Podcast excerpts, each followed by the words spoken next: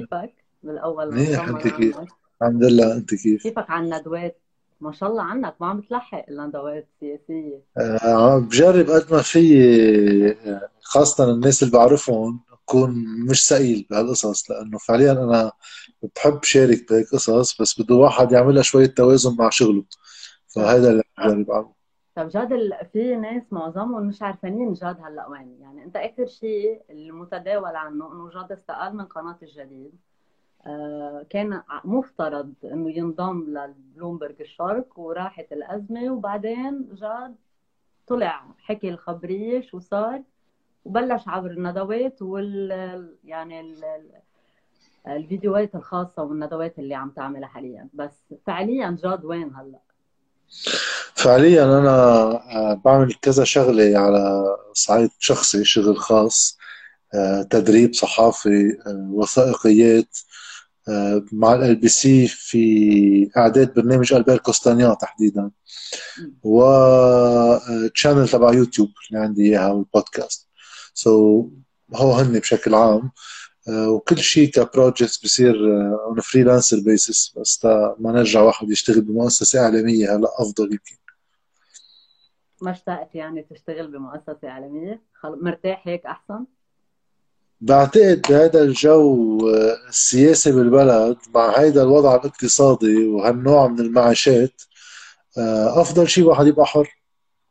يعني كل مشاركة إعلامية بتلفزيون محلي أما تلفزيون أجنبي هو كناية عن تضحية عم بيقوم فيها الطرف الأضعف بهالعلاقة اللي هو بيكون الصحافي. لأنه آه، الإعلام التقليدي أقوى بموازين القوى كثير منه ماديا وعلاقات وكذا. بقى دائما بده واحد يعني يحضر الحيز تبعه هلا أفضل شيء واحد يكون حر. ومثل ما عم بيقول معين نسلم عليه. هلا خلينا نروح على الميديا الأجدد. مزبوط. آه، جاد قبل ما ما بلش بالحوار الجدي مثل ما بيقولوا بولي بولي from Twitter إيه. okay. ما بع... ما بعرفها بس ما هي anonymous هي anonymous بس إنه بولي إيه. بولي بولي Peaky Blinders يعني أنا بسميها. مصرة تسألك هيدا السؤال وقلت لها خلص حأسأله هو أول سؤال. are you single يعني بدي أعرف حتموت. you're her crush على ما يبدو. لا خل... خل... خليني خلي ال crush مبسوطين واتركوا القصص private ما هيك طيب. طيب جاد وين وين بتلاقي حالك أكثر بما إنه هلأ عم تشتغل عم تعمل أكثر ندوات سياسية وبلشت قناتك اللي على اليوتيوب يعني عم بتناقش فيها الأزمة الاقتصادية والأزمة السياسية حتى بالبلد بالسياسة ولا بالإعلام؟ رغم إنه معظمهم يعني بيتفقوا لما بنقول إنه هن بيرتبطوا مع بعض. الإعلام والسياسة ما بينفصلوا هن مرتبطين نوعا ما. بس أنت كجاد غصن وين بتلاقي حالك أكثر بالسياسة أم بالإعلام؟ المشكلة إنه بالظرف الحالي خصوصا مع طبيعة الإعلام بالبلد صعب واحد يعمل الفصل اللي متعارف عليه برا اللي هو إنه الإعلام هو الشيء الموضوعي اللي بيفصل حاله عن الخبر. بواقع إنه آه، المصالح وين ما كان بالعالم وتحديدا بلبنان هي لاقطة جزء أساسي من هالإعلام نفسه. بقى بتصير عم بينحط الإعلامي كأفراد بموقع هيك آه، بوز المدفع أول للدفاع عن شيء في كثير من النفاق في كثير في شيء كثير من الخبز ما في شيء بالدنيا اسمه موضوعية مطلقة. يعني هذا الفصل بين الإعلام والسياسة هو فصل آه، نظري. بالحياة الفعلية آه، أنا بستبدل كلمة الموضوعية غير الموجودة عند أي إنسان إلا ما بيكون شغلته هالشغلة يعني. بالإنصاف. أنا مع الإنصاف. إنه أنا أكيد بتصور معروفة شو مواقفي بالسياسة بالاقتصاد بحياة الله شيء يعني ما بخبيهم ابدا. بس ما بخلي هذا الشيء ابدا يتعرض على إنه سخر تقارير بشتغلها تغطيات بعملها مقالات معقول اكتبها. لا استهدف باجنده إيه إنه ما يكون واقعي. اخترع خبرية جرب استهدف حدا. مش هيك بده واحد يكون عم بيقوم بدوره المهني بإنصاف. طيب هون بيرجعنا شوي. أستاذ سامي كليب بيحمل حمل شعار اعلاميون لا أبواق. يعني هو من المناصرين إذا بدك لهذا الشعار. مناصر كثير كبير. قد إيه برأيك تزبط مسألة إعلاميون لا ابواق خصوصا بلبنان؟ تزبط ليش ما تزبط؟ هلا حسب واحد كل حدا بده يشتغل صحافي بده يوصل عليه بمرحلة بالكارير تبعه لابد منه بده يوصل عليه سؤال. هالسؤال لابد منه. اللي هو هل نحن بدنا نشتغل ضمن المنظومة؟ يعني ارتقاء الصحافة العلاقات آه، آه، العشوات آه، أي طبقة اجتماعية عم نبلش نفوت فيها. هل أنا هولي هن الغاية بحد ذاتها؟ ولا لا؟ لأنه إذا هو كانوا الغاية هو لهم ثمن الثمن إنك بدك تصير بوق بأي معنى بوق؟ بمعنى إنه مثلا أنا في يعني ما بدي أشملها للكل بس في شيء هيك أنا كنت استغربه يعني. طيب كنت تنزل على تغطية مجلس وزراء. بكونوا الوزراء مجتمعين بفوتوا من قلب هيك البهو يعني وبيطلعوا على قلب الجلسة ومن هونيك براح بطلوا تشوفيهم. فيهم حتى ما ينزلوا ما ينزلوا قدامنا. فيهم حتى يروحوا ينزلوا من parking دغري يعني. ما بنعرف شيء نحن. وفي نحن مجموعة صحفية.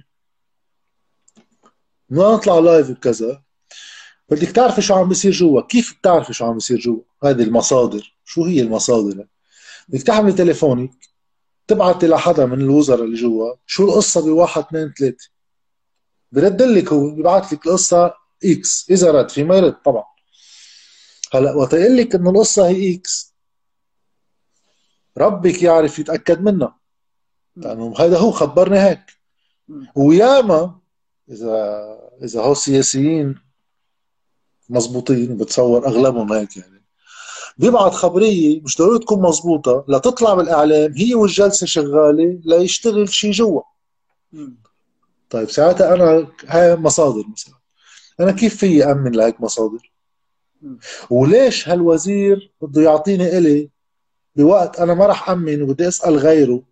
بوقت يمكن في غيري مرايا بدي امن دغري يعني بطلع الخبرية وكذا.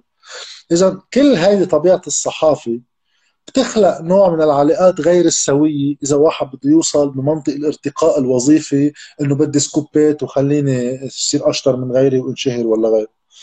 هيدا بصير هيك مغري إيه جاد إنت هون عم تركز على علاقة الصحافة بالسياسة بس خليني أكون شوي دقيقة. إيه. آه، بعالم الإعلام يعني اجمالا إما بيكون إعلام سلطة أو إعلام رأس مال. يعني في في مؤسسات إعلامية بتحكمها المصالح. هيدي المصالح مش شرط تكون سياسية عرفت؟ يعني يمكن يكون هو رجل أعمال يمتلكها رجل أعمال. طيب هيدا الرجل الأعمال بطبيعة الحال حيكون في عنده أجندة معينة. أنت كصحافي موظف بهيدي المؤسسة الإعلامية مش ممكن يحدك هيدا هيدا الموضوع إنه أنت تعمل لدى جهة معينة. هيدي الجهة بدها تحد من حريتك. كصحافي انت موضوعي حر وبشكل غير مباشر رح تتحول لبوك إذا ما كنت بوك للسياسة حتكون عم تحكي باسم صاحب هيدي المؤسسة الإعلامية؟ هاي المعركة اللي كل صحافي بده يعملها يعني بالضبط. أنا وقت أفوت على الجديد مثلا. م. في مقدمة الجديد فيها موقف سياسي تبع الجديد. صحيح. تصور كثير واضح بيكون يعني. صحيح. أنا ب يعني خلينا ما بعرف شو النسب بس قول نص الوقت بنص الوقت أنا نص الوقت ضد هذا التوجه. ونص الوقت قد أكون معه. السؤال هل هذا التوجه عم بيفرضوه علي بتقاريري وبشغلي؟ لو إيه أنا ما كنت بقى المحطه على أكيد كل ثمان سنين اللي بقيتهم يعني أنا ما فليت من ورا هيك موضوع. وفي كثير أيام مقدماتهم إيه ما بكون معهم طبعا يعني وبتصور بتصور في قد ما بعد ما أنا واضح بمواقفي في واحد يعرف أي متى أي وأي متى لا. يعني كل شيء إيجابي على رياض سلامه أنا ضده. كل شيء إيجابي على جماعة البنوك والمصرفيين وجمعيه المصارف تحديدا آخر سنة ونص أنا ضده. استهداف سياسي لحزب دون آخر بتحميله المسؤولية كمان أنا ضده مش انطلاق مش لأنه هو ما بيتحمل مسؤولية لأنه هيدا عم ببرئ غيره هالطريقة. عم بتبرئ غيره هذا الشغل تكتكي. أنا ضده يعني أنت هيدا ولا مرة. بس هيدا كثير مم. هاي هاي أنت معارك كجاد بت... أنت كجاد ولا مرة انحطيت بموقف إنه طلب منك ما عم بحكي بالجديد عم بحكي بشكل عام إنه جاد آه، ما بدنا نفتح آه، بارودة على X من الناس أو على X آه، إحراج من ال- من الناس ولا مرة. أو أنت يمكن كجاد ذكائك أو إدراكك الخاص بخليك ما تفوت بهذا التوجه. يعني بتعرف إنه يمكن آه، هيدي الشخصية عندها لها حساسياتها المعينة فبلا ما فوت فيها من الأساس. يعني بلا ما أعمل التقرير من الأساس. إذا في حساسيات من هالنوع وصايرة صايرة مم. بيكون في حساسيات من التلفزيون ناس معروفين. يعني كمان بتبين دغري بالمقدمات وبالمشاكل وكذا. عادة هو بيخدموا. لأنه وقت التلفزيون يعمل مشاكل مع السياسيين تزيد لك حريتك المشكلة إذا تصالح مع السياسيين مم. بصير ما بدنا نسبه لأن أنا ما ولا مرة بحياتي بتصور عامل تقرير عم بنفخ فيه بحدا لأن ما لا شغلتي مش طبيعي حدا منيح في كثير. ناس يمكن منيح وبيشتغلوا وقت يشتغلوا واحد بيضوي على شغله مم. وقت يسيئوا بنضوي على الإساءة إلا إذا صار في مخالفة هون في حدا بده يتحمل مسؤوليتها. مشان هيك هو هلا بصير في أنت بتعرفي مثلا إنه شو بعرفني؟ خلينا نقول إنه التلفزيون قد يكون على علاقة جيدة برياض سلامة مم. أوكي؟ بدي أجي أنا جيب موضوع قضية واطرحها أنا كنت عم بعملهم على الجديد. هلا مساقبة إنه وقت آخر سنة ونص وقت طلع صيته لرياض سلامة إنه قبل كنت أشتغل قصص على رياض سلامة ما كنت ما كنت أعلم حتى. يدور بغير محل. يعني. أوكي كنت آخر سنة ونص عم بطلع على التلفزيون حضورا أكثر من التقارير يعني. وفي واحد يرجع يشوف طلعاتي مع جورج صليب اللي كانوا دورية يعني تصير كم مرة حكي عن موضوع رياض سلام مم. بتصيري يمكن أنت بدك تعرفي كيف تكوني أكثر exact لأنه إذا بده دائما الواحد يعتبر إنه ياخذ احتمال إذا اجى قال لي التلفزيون لا ما فيك كيف بقدر أنا احصن هذا الموقف؟ اللي معك إيه بده يعني ما فيك تعملي شو ما كان. صحيح صحيح. بعرف طيب. إنه يمكن بعرف يمكن ما بعرف. إنه هيدا مش واقع كل الصحفيين. يمكن آه في هيدا رأيك نسبة الصحفيين الأبواق بلبنان حاليا؟ في كتير. في يعني في كتير. لا لا ما بفوت بتسمية لأنه بتشخصن القصة. يعني بصير كأنه هيدا الشخص هو ال هو الت- التوك يعني مش حدا توك.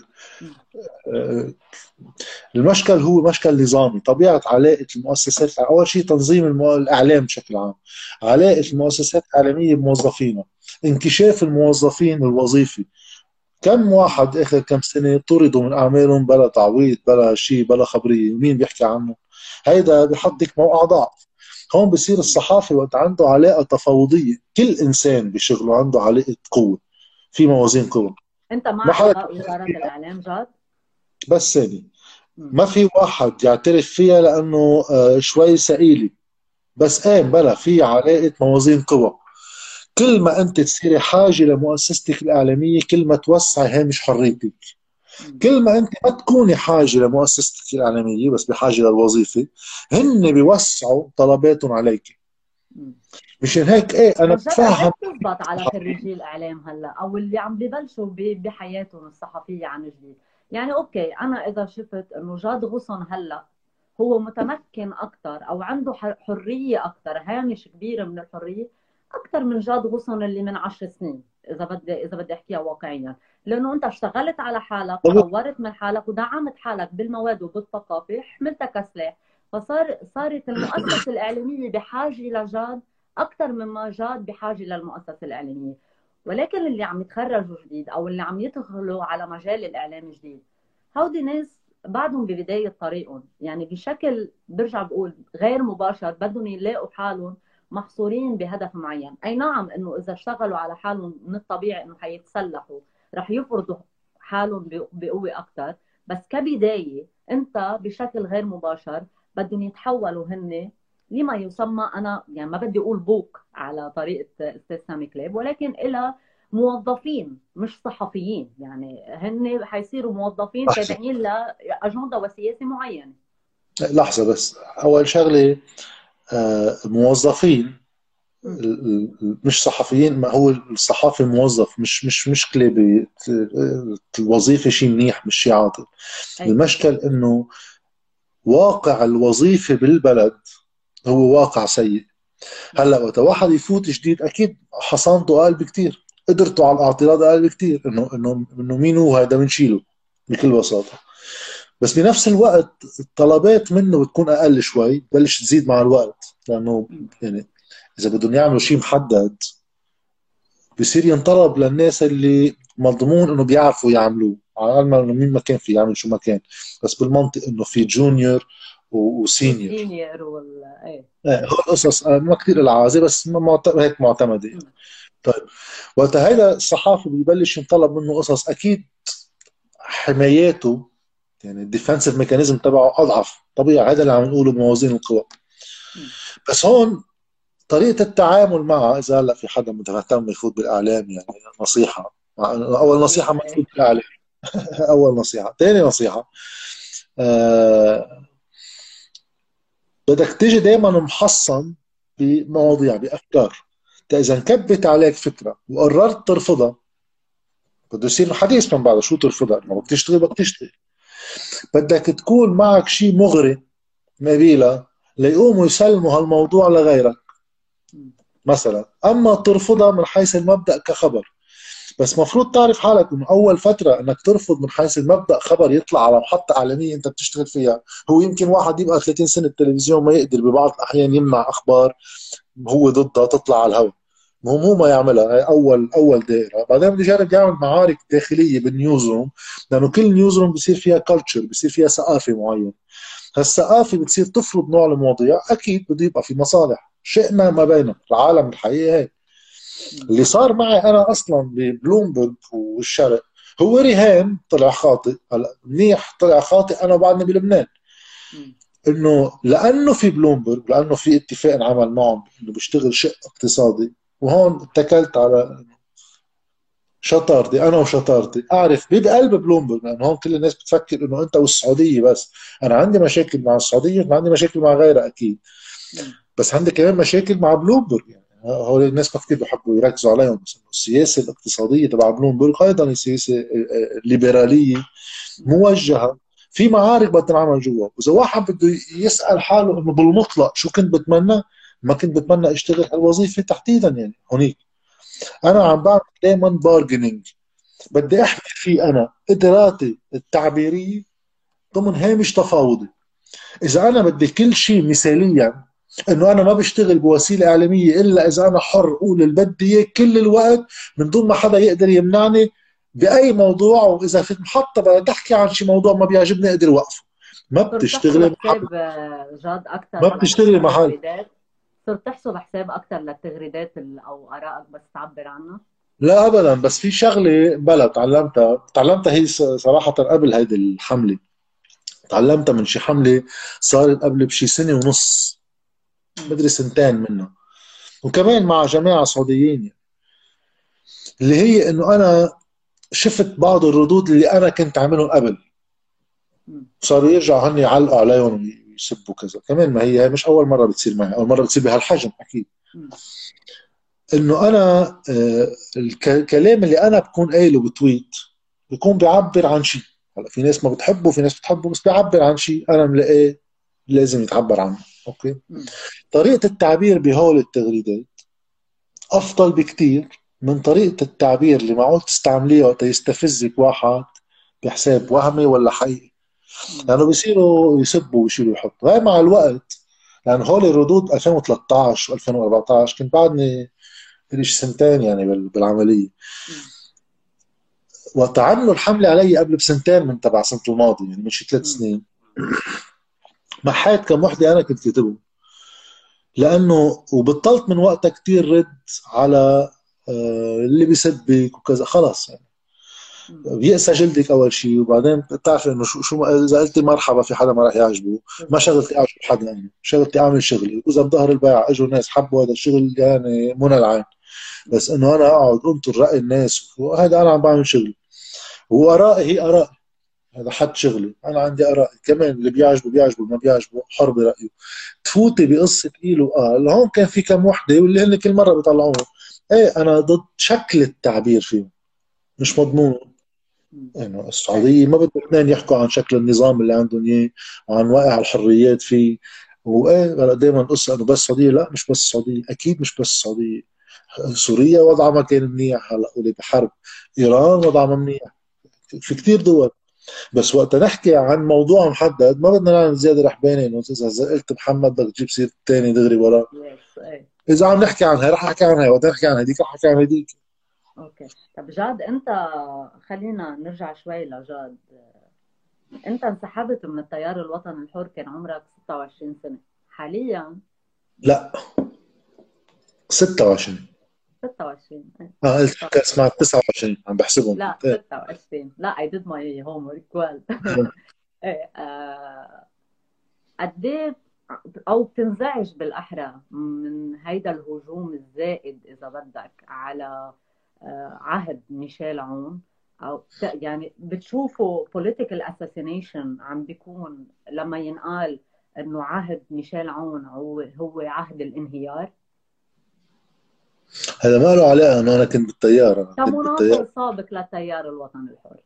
إيه بس جوابي ما له علاقة بهذا الموضوع لأنه أنا كمناصر سابق آه في كثير ناس من التيار بينظروا لي بنظرة سلبية يعني لأني هيك فأنا ماني موقع دفاع عنهم ولا كنت بعدني معهم. وكانت كسيبة إلي أكثر بكثير يعني صدقيني. في كثير ناس بعرفهم منيح يعني. آه، بتقدر توصل لمحلات كثير عالية إذا واحد يعني إذا الواحد بده يشتغل منطق مصلحة لا. بس إيه في نوع من استهداف بالسياسة لا مش عون وقت ينقال إنه العهد هو سبب الانهيار. شو عهد؟ بضحك الموضوع. أول شيء ما في شيء اسمه عهد تنبلش. هيدي يعني هيدي كمان من ضروبة الزكاة تبع العونيين بشكل عام إنه تبنوا هيك تسمية. يعني بوقت إني لا ساتير ولا صلاحيات هن جزء من نظام كل الوقت قبل العهد وبعد العهد ما بيتغير شيء بيتغير قوتك بقلب النظام هيدا إنك بدل ما تقدر تعين 10 صار فيك 12 صح؟ بس أنت كنت قبل ما تجي على رئاسة الجمهورية جزء من هذا النظام وبعد ما تجي على رئاسة الجمهورية جزء من هذا النظام. هلأ بسائب الانهيار على أيام العهد. بصير العهد هو سبب الانهيار. هي بتضحك بس منهم مسؤولين عنه؟ بلا مسؤولين لأنه كان فيهم يعملوا 100 شغلة. يعني أربع سنين قبل ما نوصل لهون وما عملوا شيء منه لبن راحوا العكس. راحوا تسوية مع سعد الحريري ونسينا كل شيء صار من 93 لليوم. كنا نقول الحريرية حبل مشنقة. اقطعوه قبل أن يقطعوا يعني ما مع جبران باسيل وقت يقول ما خلونا؟ أنا بلاقي أنا قصة ما خلونا أنا بتفق مع لحدية نقطة معينة. إذا اجى الجواب غلط عليها بتصير نفاق بنفاق. ليكي شو النقطة؟ بكل بساطة. أنا رح اخذ كل الناس بحسن نيه تنشوف الارجيومون نفسه. هالحجة إذا تقوم نصير رأي منها طيب بيجي واحد بيقول أنا آدم. أنا عم جرب أعمل إصلاح. هوليك ما بيسووا وما عم يخلوني لأنه أكثر مني وأقل مني وسعر طيب تيجي بتقول أنت آه فليكن أنت لك مثلا عشر سنين بهالسياسة. وعشر سنين ما عم بيخلوك. أنت إذا كفي حزب سياسي بدك تعرف ليه ما عم بيخلوك شو السبب اللي ما عم تقدر؟ وتجرب تعالجه لأنه ساعتها إذا بضل ما عم يخلوك. طيب متى بتخلص بس. بصير السؤال طيب أنتم ما عم بيخلوكم لأنه آه حكومات وحدة وطنية. لو كنت جزء من اكثريه اسمها 8 آذار ولا أنت عندك رئيس جمهورية أنت دائما جزء من وحدة وطنية. تيجي بتسأل طيب ليش ما بتعملوا حكومة اكثريه تحكم؟ واقليه تعارض روحوا استلموا هالحكم وقت تكونوا اكثريه وكذا. توصلي على منطق بيقول لا في ميثاقيه الميثاقيه إذا في وحدة مش أقوى واحد عنده. فات على حكومة بتكون الحكومة منها شرعية. هلأ التيار عم يعمل معركة ميثاقيه على الحصة المسيحية ومين له حق يسميهم وكذا. طيب سؤال هول الحاجتين كيف بيزبطوا مع بعض؟ إنه أنت إصلاحي وما عم بيخلوك وبس ما فيك تحكم إلا مع اللي ما بيخليك وبنبقى مدى العمر. يعني حتى لو أنت ادمي أنت محكوم عليك بالفشل ما بدي حدا فاشل أنا يحكمني خلينا يا بتقدم لي طرح حل يا منه حل. بس تاختم شغله بقصة مسؤولية العهد وكذا. يعني مسؤولية العهد قائمة من تمديد لرياض سلامة للتسويه مع سعد الحريري لكل الحكومات بس في شيء دائما هذا البلد في نفاق وفالت طيب بصير التحرير سنة 2000 وقتها إنه مين لحود عهد التحرير يا خيي ثاقب إنه في حزب الله بفهم. هو كان رئيس جمهورية الاقتصاد بتضحك أكثر إذا بتتذكري بوقتها بال 2008 9 10 وما لحقنا ل 11 هو ثلاث سنين.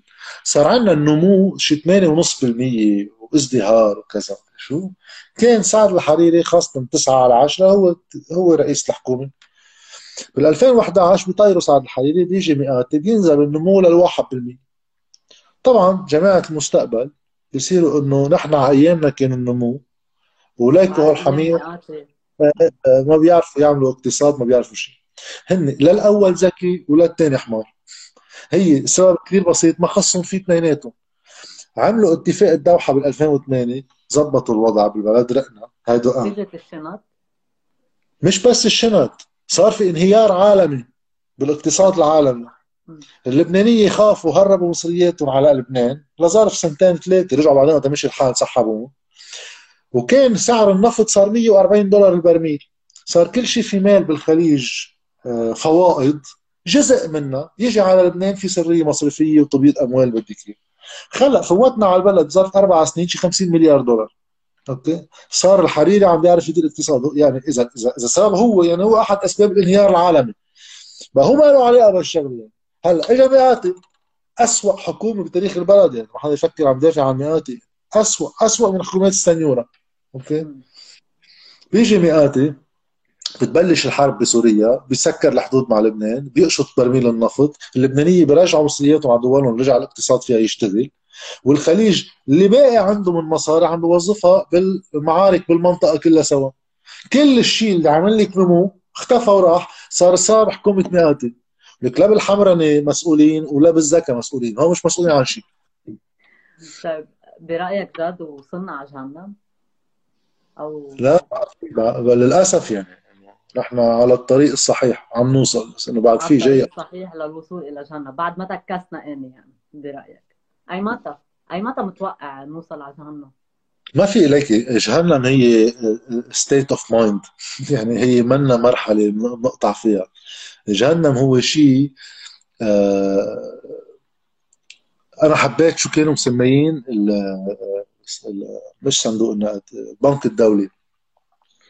كان عامل تقرير شو سميه؟ الكساد يعني المقصود بهالمعنى. ناسي كيف كانت تعمل.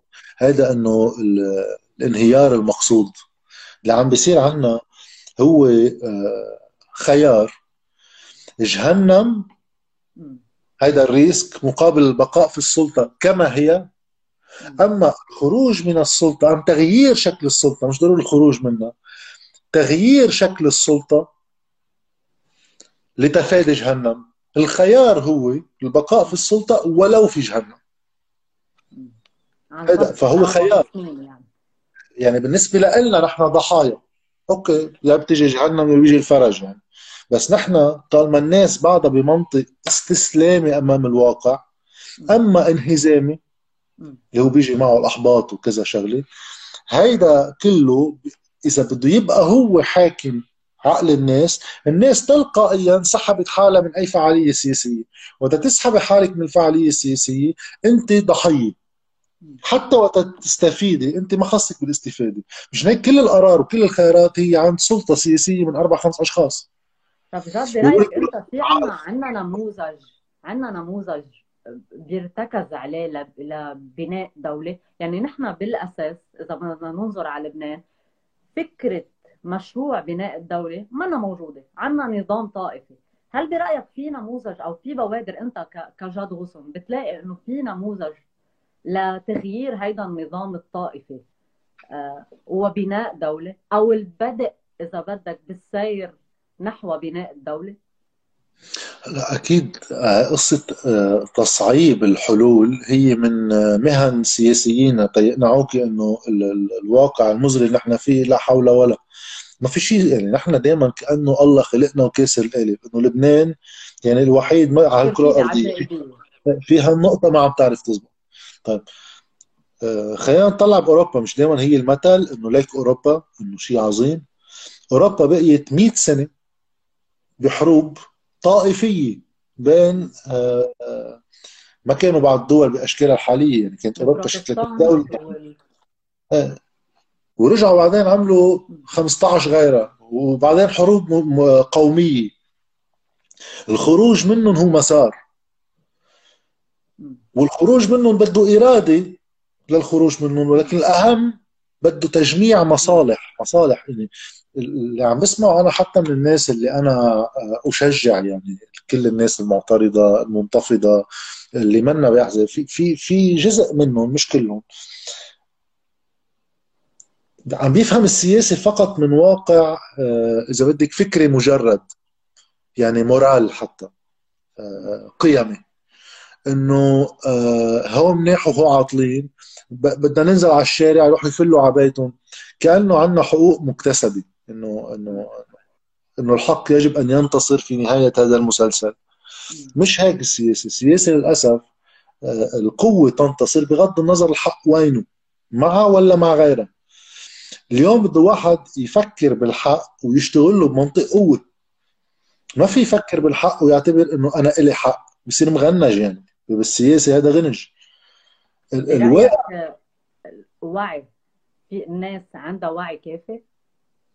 إيه أنا ما في أنا من الناس انه مثلي مثل العالم إنه ما في ما فيك تقيمي مجتمع بمنطق فردي إنه هو واعي ولا مش واعي. المجتمع هو شيء كومبلكس شيء آه، مركب من مجموعة أفكار متباينة بعمقها باهتماماتها بمصالحها.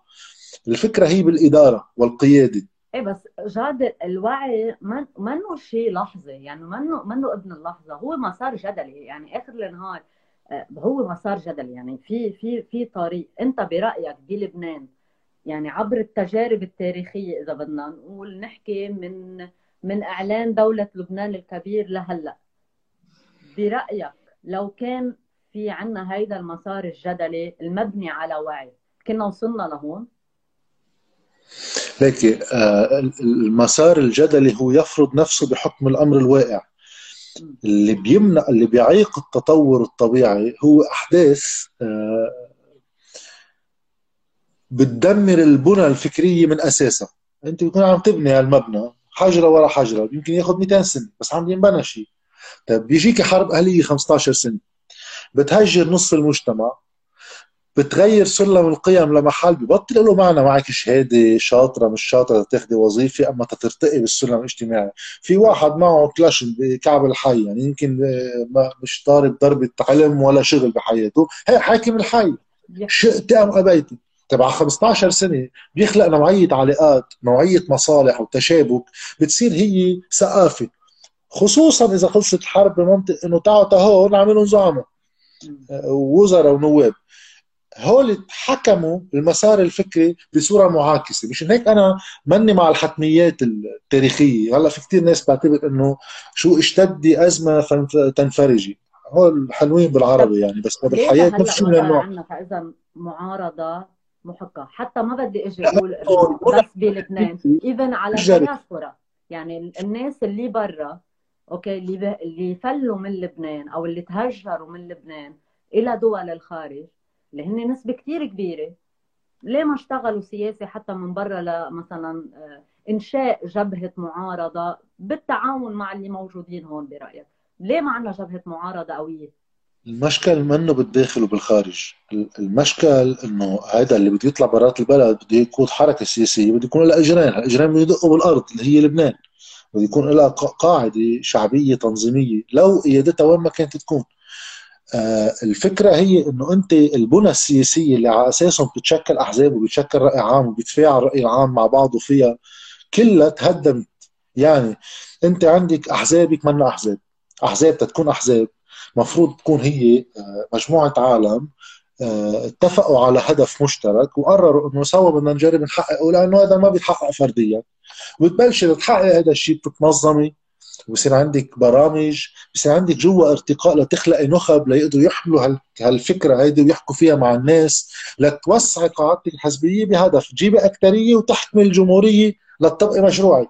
أحزابنا نحن في شخص بيجي لا فكرة ولا تعتيل بيجي شخص عنده ولاء اجى نتيجة لحظة تاريخية اجى نتيجة معركة اجى نتيجة حرب اجى نتيجة حماية. كثير ظروف مثل العشاير يعني. بعدين بتصير بالنسب ننسى ليش. بيبقى في هذا الشخص بتصير الثقه كلها له من لزمه السياسي بطل نحن لا عم نرتقي ولا عم نخلق نخب. وعم نلزمه إنه أنت خيي اشتغلنا أنت بتعرف. أنت شايف المستقبل. أنت بتقرأ بانطيناتك هو كل الأخبار اللي بنسمعهم. هون ببطل أصلا هيدا لأنه أنت اخترتيه طائفيا عم يشتغل حتى بمنطق الحزب تيجي يحكم. ما هيدا اللي, ماروني ولا درزي ولا سني ولا شيعي ما بعمره بجيب أكترية بالمجلس لأنه عم ينزل على المقاعد المارونيه بقى هيدا ما عنده الزعيم نفسه والحزب نفسه ولا مرة براسه براس جماعته المنضمين له يعني إنه هو بدهم يحكموا لحالهم بدهم يجوا فريق يحكم. هول دائما عم يفكروا حصة من الحكم. حصة من الدولة. بس ولا مرة عم يفكروا دولة. أنا دولة. وقت هيدي الفكرة تركب كل الثقافة السياسية تركبت غلط. تخيليها على 100 سنة شو بتعمل بالوعي العام. زيدي عليها. وفي شيء اسمه public spaces public spaces فيها تكون حزب فيها تكون نوادي اجتماعية فيها تكون الجامعات والحركات الطلابية النقابات. كله تفجر. كله تفجر كله احتلته هول العشائر الطوائف احتلوه. كان في عندنا نقابات بالتسعينيات ما إذا بتتذكري كنا صغار يعني بس كان في الياس رزق كان في الياس رزق وينزلوا مظاهرات ويسكروا الدنيا. على وقت اجى جاك شيراك هددوا بدهم يعملوا مظاهرة قدام المجلس هو جاك شيراك بين المجلس. بعتوه عملوا آه، حاله طوارئ أعلنوا حاله طوارئ ببيروت ومنعوا التجول ليلا. هاي دولتنا كيف ردت على حركة نقابية. مثل غسان غصن وهلا الأشقر ما بعرف شو أسمر. طب طب وين النخب هلا بلبنان؟ هلا الأزمات مثل الأزمة اللي إحنا آه، مرقين فيها هلا هي فرصة مع يعني كل مآسيها جد بس انت عم تقول فرصة. 17 تشرين كان فرصة لأنه تبرز النخب وتشتغل سياسة وتقدم طروحات وبدائل. ما استغلوا الفرصة برأيك؟ بلا. أو لحظة. استغلوا الفرصة؟ لحظة. يعني تكون بالانسد أنا أنا محبط يعني من إنه قديش كانت أمالي أكبر صح. بس بنفس الوقت مانك ملاحظه قديش في عالم ما كنا نعرفهم قبل الأزمة.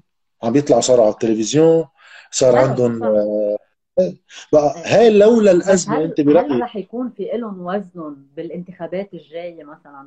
هل هن يشتغلوا على مشاريع يعني يعني إذا بدك تيجي تسأل الناس اللي بالشارع أوكي؟ إنه أنتم مين بتشوفوا مثلا عم بيقدم بدائل أو طروحات؟ بينذكر اسم واحد. منفذ مواطنون وفي دولة. شربل نحاس أوكي؟ في أسماء ثانية بتصير أسماء فردية ناس مثقفة نخب. ولكن ليجتمعوا ليعملوا تكتل قوي بمواجهة هيدي السلطة. أنا ما بدي اعتمد على على الفرد. أوكي؟ ما فيني. الفرد لحاله ما رح ينجح بمواجهة سلطة صار لها 30 سنة بهيك نظام. أوكي؟ صح. إذا حدا بده ينقي آه، بده يواجه سلطة بده يقدم طروحاته بده يكون قوي. ما بده يعتمد الوحيد إذا بدك اللي الناس بتتداول باسمه حاليا إنه هن عم بيقدموا طروحات عم بيقدموا قصص ملموسة مش مجرد حكي على الشاشات. يعني بلشوا يشتغلوا سياسة. بيقولوا لك إنه شرب النحاس هو واحد منه بس النخب الباقيه بعدها عم تحكي حكي أوكي؟ فعليا على الأرض قديش هودي حيأثروا بالشارع بالحي اللي اللي أنت ساكن فيه بالناس اللي عن جد لازم يوصل لها الوعي لتغير بكرة بصناديق الاقتراع. أنا بالنسبة لي هي تعود لهم. يعني الظرف اجى زاد الطلب عند الناس زاد الطلب. العرض في شيء من العرض موجود بس منه عاد الطلب واضح يعني. السؤال هلا كل هالشخصيات المجموعات الأحزاب الناشئة كلها اللي برزت آخر سنتين. بدها تعمل قاعدة هلا وتقيم طيب هالسنتين اللي قاطعوا شو عملنا نحن؟ قديش تقدمنا قديش قدمنا. أنا بالنسبة لي لفترة عم بحكيها حتى باجتماعات مع كثير من المجموعات يعني.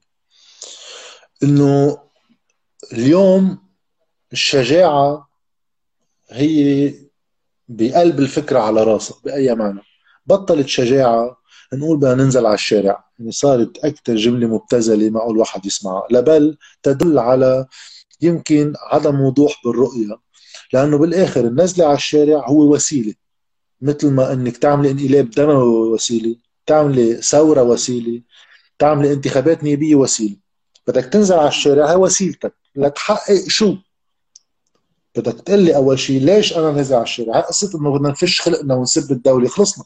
يعني بتصور ما عادش في لزوم عندنا تويتر. اللي بفوت على تويتر اللي بيسب حاله آخر شيء بيشبع آه إيه بقى إذا بدنا نوصل لمحل هادف بدي يعرف الواحد إنه هي وسيلة لأي غاية. يمكن أنا خيي شو بعرفني.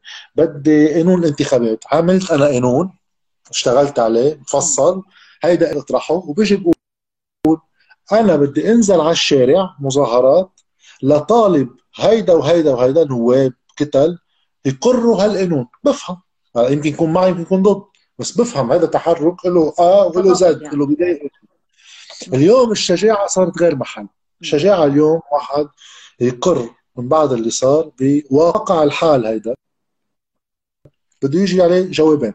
إما أنا اليوم مجموعة حزب اللي هو عندي مقومات العمل السياسي وأنا بنمو جيد بيسمح لي ضمن المدى المنظور مش عم نحكي بعد 50 سنة لأن البلد ما راح ينطر 50 سنة.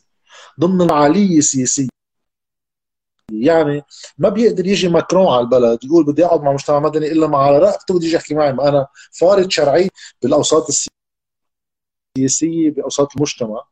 هاي واحد. يما عندي قدرة على انتاج برنامج سياسي مثلا. طيب إذا لا عندي قدرة على انتاج برنامج سياسي بعد سنتين على الأزمة. استراتيجية. يعني إذا ما عندي قدرة على حشد كمية من الناس لأفرض حالي آه، آه، بقوتي الذاتية آه، رقم ما ممكن تخطيه الشجاعة هي لأنه إذا في مصلحة عامة بذهن القيادات ضمن هالمجموعات هيدي إنه أنا حل المجموعة الغيها ضمها لحدا كثير قريب 300 مجموعة. أكيد في كثير منهم بيشبهوا بعض لأنه ما في 300 فكرة سياسية على الكرة الأرضية كلها سوا يمكن. ماشي الحال. لازم يبقى آخر شيء في أربع خمس مجموعات بفهم. كبار يا قادرين يتفاهموا يا قادرين ما يتفاهموا حتى. بس ساعتها بفهم المشهد وبصير في شيء له وزن. لأنه إذا كل مجموعة عندها 50 و100 شخص بفوتوا على مجموعة أكبر منه عندها 4 و5000 شخص بزيدوا قدراتهم بزيدوا حتى وجوه الإعلامية. بصير عندك أنت ريسورسز أكبر للعمل السياسي وبتكون عم تقوي وجود مجموعات فاعلة. اليوم كل حدا عنده مجموعة. هالمجموعة فيها خمس أشخاص ولا خمسين شخص مش قادرة تعمل برنامج سياسي وما عم تقدر لا يكون عندها ظهور لا بالإعلام ولا بالشارع ولا بمحل.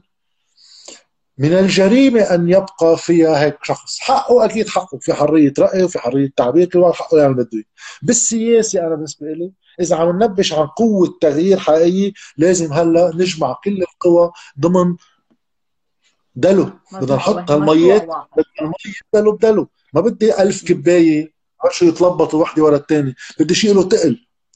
بدي زيد على تقل في مكان ما. إذا بده يعمل جهد لازم يكون هون الجهد. طب خلينا ننتقل شوي للشق الاقتصادي.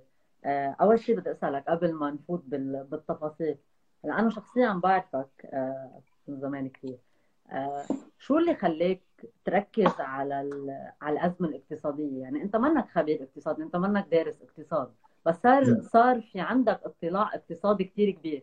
يعني صرنا عم نشوف جاد شبه خبير اقتصادي أكثر شو كيف لا قررت بعيدا عن الأزمة اللي هي بشكل غير مباشر بتخليك مجبر كونك كمان صحافي إنك تطلع على الأمور الاقتصادية. بس صرت خبير. ما في شيء اسمه خبير بالاقتصاد. هلا رح أوصل لك بهذا الشيء. آه، أكبر خدعة قصة خبير آه، لا لا خدعة هي قصة الخبير الاقتصادي لأنه إذا إذا خبير بمعنى scientifique يعني expert ال expert كأنه هو أمر مجرد عن الخيارات السياسية هو في équation في في معادلة بيعطينا اياه بيمشي الحال. عشان بقول لك؟ إنه سلموا الخبراء سلموا الخبراء. على أساس إنه في إذا سلمنا حكيم مثلا يطلع يعمل لي عملية قلب ما كلنا يعملوا نفس العملية. مش مزبوط الحكي والدليل إنه لليوم في عندنا خبراء بين مزدوجين. ليبراليين نيوليبراليين ماركسيين آه، كينزيين اللي بدك اياه رأسماليين إيه. كيف كيف ها آه، خبراء وكل واحد بيخبر خبرية؟ ها مثل السياسة الاقتصاد هو علم إنساني إنسانيات. يعني science humaine مش آه، علم طبيعي. إنه إذا ولعت ورقة 100 مرة بدها تولع وبعدين ما عملنا ايكواسيون بعرف ليش النار إذا دقت مع الأكسجين به... مش هيك. هلا أنا عامل علوم سياسية. استوقفني إنه أنا آه، بين الاختصاص الأساسي وسنتين بال masters يعني كلهم على بعضهم ما بيطلعوا ثلاث صفوف اقتصاد. واقتصاد ماكرو لدرجة ممل يعني ما بلا طعم. قناعاتي السياسية وفهمي لشو هي السياسة كانت بترفض هذا الواقع يعني. إنه ليش؟ كيف معقول حدا عم بيدرس سياسي ما يكون بيعرف اقتصاد؟ ما هو شغلة وحدة. إذا ما بفهم البنية الاقتصادية تبع المجتمع والمالية تبع الدولة والنقدية اللي بتربط بين اثنين كيف بدي أعمل حكم سياسي آه، جدي بأي تحليل بأي متابعة؟ وهذا حديث إذا بدك فينا نفوت فيه له أسبابه التاريخية العقائدية بالعالم كله مش بس عندنا. أوكي؟ فصرت بلشت أعمل مجهود فردي هون من تقريبا 2013 14 تعزز كثير هالمجهود بال 2015 نتيجة الأزمة اللي صارت باليونان انهيار المالي اللي صار باليونان. واللي هيك لفتني وصرت تابعه. وهونيك تعرفت على مش بالشخصي تعرفت على إلى أشخاص يعني. على أفكار أشخاص مثل فاروفاكيس اللي كان بوقتها وزير المال رجع استقال بعد فترة قليلة. لا ناس مش مرتبطين مباشرة بالوضع اليوناني بس أنا تعرفت عليهم من وراء متابعة الوضع اليوناني مثل كروغمان وستيغليتس وكذا حدا من الاقتصاديين اللي عندهم كتب وعندهم مؤتمرات. صرت تابع. شتيغليتس أنا تعرفت عليه شخصيا بجد هي لك بالقمة العالمية للحكومات بما إنك جبت سيرته يعني. إيه يعني هول أشخاص interesting يعني عندهم مقاربات مش كلها بتشبه بعضها على فكرة بس إنه صحيح. آه وصار هذا الموضوع يهمني أكثر وأكثر وكل الوقت جرب بالتوازي مع فهم الاقتصاد كاقتصاد آه آه فهم الواقع الاقتصادي اللبناني. وربطه بالسياسي وأول ما تبلشي تعملي هذا الإكزرسيس مع الوقت آه، بتشوفي قديش بتصير الفهم بيتطور بشكل سريع جدا لأمور ما خاصة بالاقتصاد حتى. لأنه كله مربوط ببعضه. بتصيري تفهمي بعض التصرفات السياسية وقت عم تصير في وقت معين ليش عم بتصير. وأكثر من هيك كثير بتساعد إنك تشيلي الوهم إنه هول الزعماء اللي عندنا بيفهموا بكل شيء ويا لطيف شو ملهمين. يعني في كمية هبل عند كثير من الزعماء بلبنان بالملف الاقتصادي بتصير لدرجة تخليك تسألي كيف معقول شخص بهالفهم هيدا يقدر يكون زعيم على شو بعرفني خمسة و10 و20 و30 سنة؟ خيال. كيف بي... يعني في يعمل زعيم؟ لأنه القصة مش كلها اقتصاد في عنده كاريزما في عنده فهم سياسي في يكون جيوبوليتيك في يكون بدك بس كيف يقدر يحكم بدولة؟ كيف عم ياخذ خياراته جواتها الحكومة من دون ما يكون واعي على تأثير كل قرار على سلسلة أمور تانية مش واعي لها خالص. يعني أنا هون أحدى مشاكلي كمان مع كل الأحزاب وقت يبلشوا ياخذوا حصص بالحكومة. منطق منطق الحصة بتصير عم يعني بفترض عن حسن النيه إنه آه، عكس تماما. بس تقلك إنه حتى فكريا ما بتقوم إنه منطق تاخذي حصة أنت. وتقول هاي وزارتي ما حدا بيتعاطى بوزارتي وأنا ما بتعاطى بوزارة حدا. طيب أنت وزير صحة جيت okay. قررت تعمل مشروع شو بعرفني بدك التغطيه الصحيه الشاملة لكل اللبنانيين okay. طيب هاي لها كلفه شي 1500 مليار ليرة بالسنة قبل هلا بدنا نشوف قديش بتصير.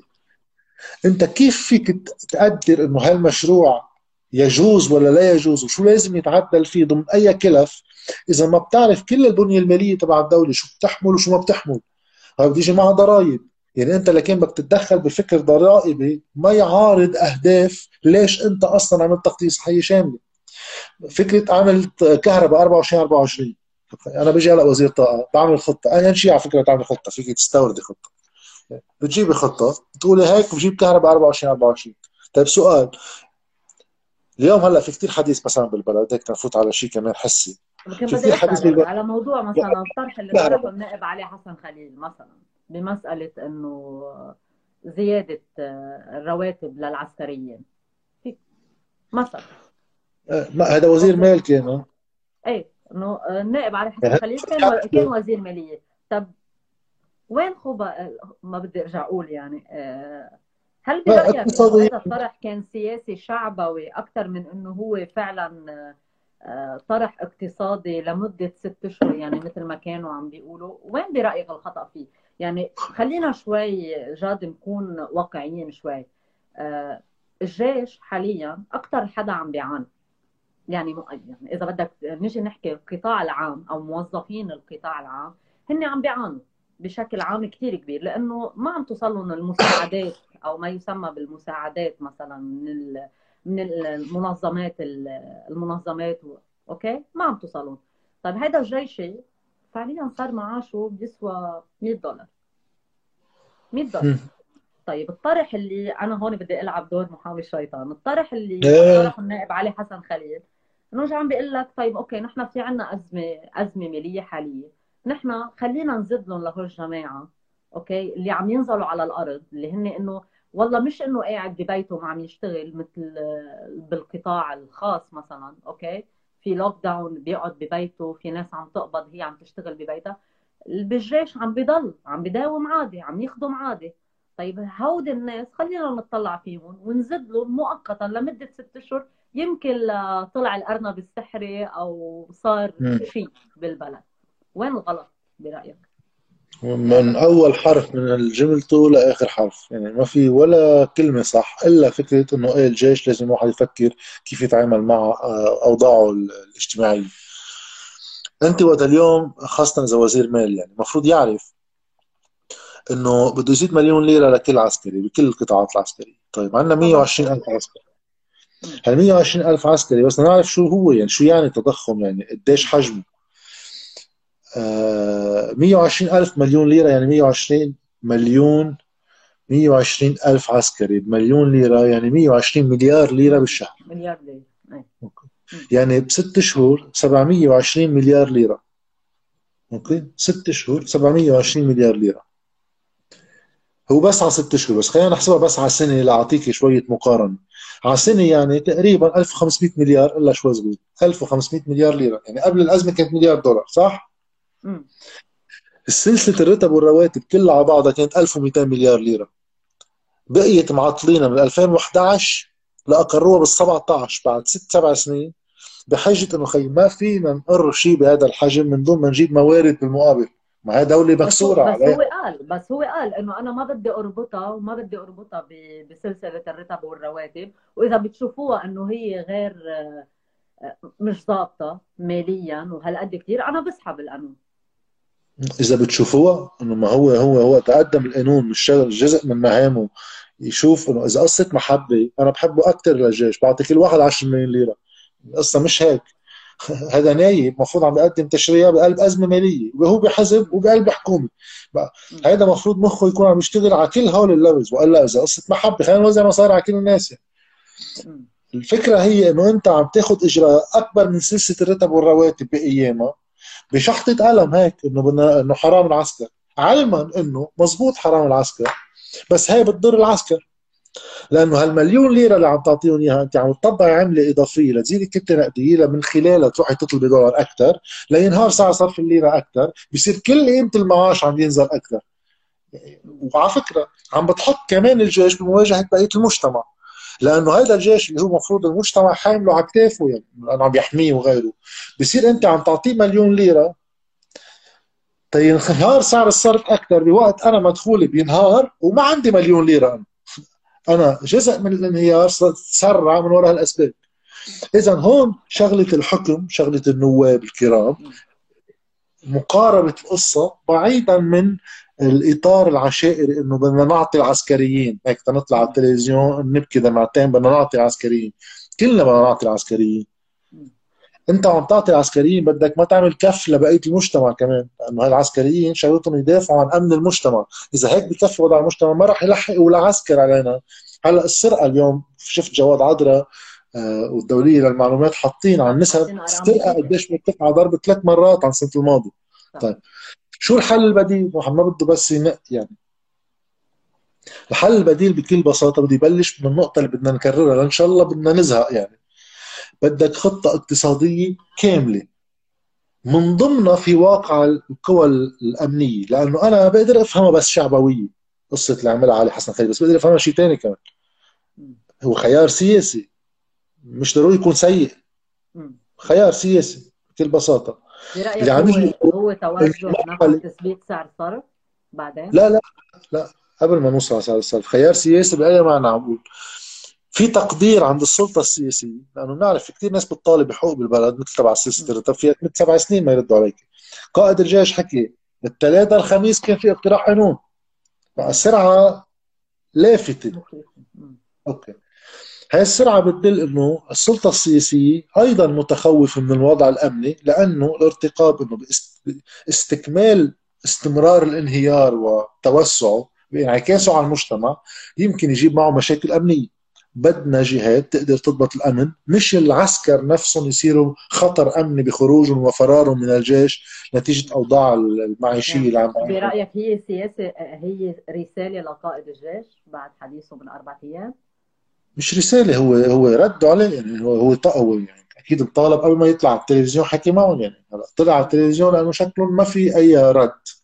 طلع على التلفزيون وهدد بين مزدوجين هدد وما هدد بس واضح فهمنا على بعض يعني. ردوا عليه بعد يومين أوكي مليون ليرة. قد ما قد ما في سرعة يمكن. اجى الرد هالقد سيء يعني. كان لازم ياخذوا وقتهم أكثر شوي ببالوروه يعني. لأنه بيقدر واحد يجي يفكر وهذا مثلا ليش هلا حكينا عن مثل التغطية الصحية الشاملة؟ أما التعليم المجاني بيتقرر لمين وشو هي كيفيات هو ليش؟ وعلى فكرة هو أفكار ما طلعت من عند اليسار. في ناس دغري تبلش تركب دراسة يمين ويسار. هو الأفكار طلعت من إيه إيه قصة هيدا التغطيه الصحيه الشامله بلشت من بيسمارك يعني اللي هو إذا شيء عكس اليسار تماما. هي فكرة كثير بسيطة. إذا أنا اليوم بحاجة نتيجة التضخم نتيجة شو ما كان زيد الأجور بدي زيد معاشات الناس. بس إذا زدت معاشات الناس يما بتنهار سعر الصرف هذا موضوع. يما شو بدي بسعر الصرف؟ هول الموظفين عم يشتغلوا بشركات عم ينجوا سلع عم يعملوا كبايات. إذا بدي زيد معاشات كل الموظفين رح تغلى سعر الكباية بطل قادر صدرها بتصير غاليه كيف بقدر حافظ على تنافسية السلع؟ بس بنفس الوقت جاوب على مشكل اجتماعي عند الموظفين وما حمل الشركات أكلاف زيادة أجور. كيف بعمل هالثلاث قصص بنفس الوقت؟ خليني شيل عنهم أعباء. ما زد لهم شيء. ما بزد لهم مصاري. بشيل عنهم أكلاف. هون اجت فكرة تعالوا تنخلق تغطية صحية شاملة. الطبابة خيي لا اسيرانس ولا شيء أنا بطببك. عم شيل عنك كلفة. وأنتم يا شركات اللي بتسجلوا الناس على الضمان وبتدفعوا عنهم اشتراكات شلنا لكم إياها. تعليم نفس الشيء. عم بشيل عنك أكلاف. لا أنا جاوب على أزمة اجتماعية. من دون ما أحمل الأكلاف الاقتصادية لا لسلع ولا لانتاج ولا لسعر صرف.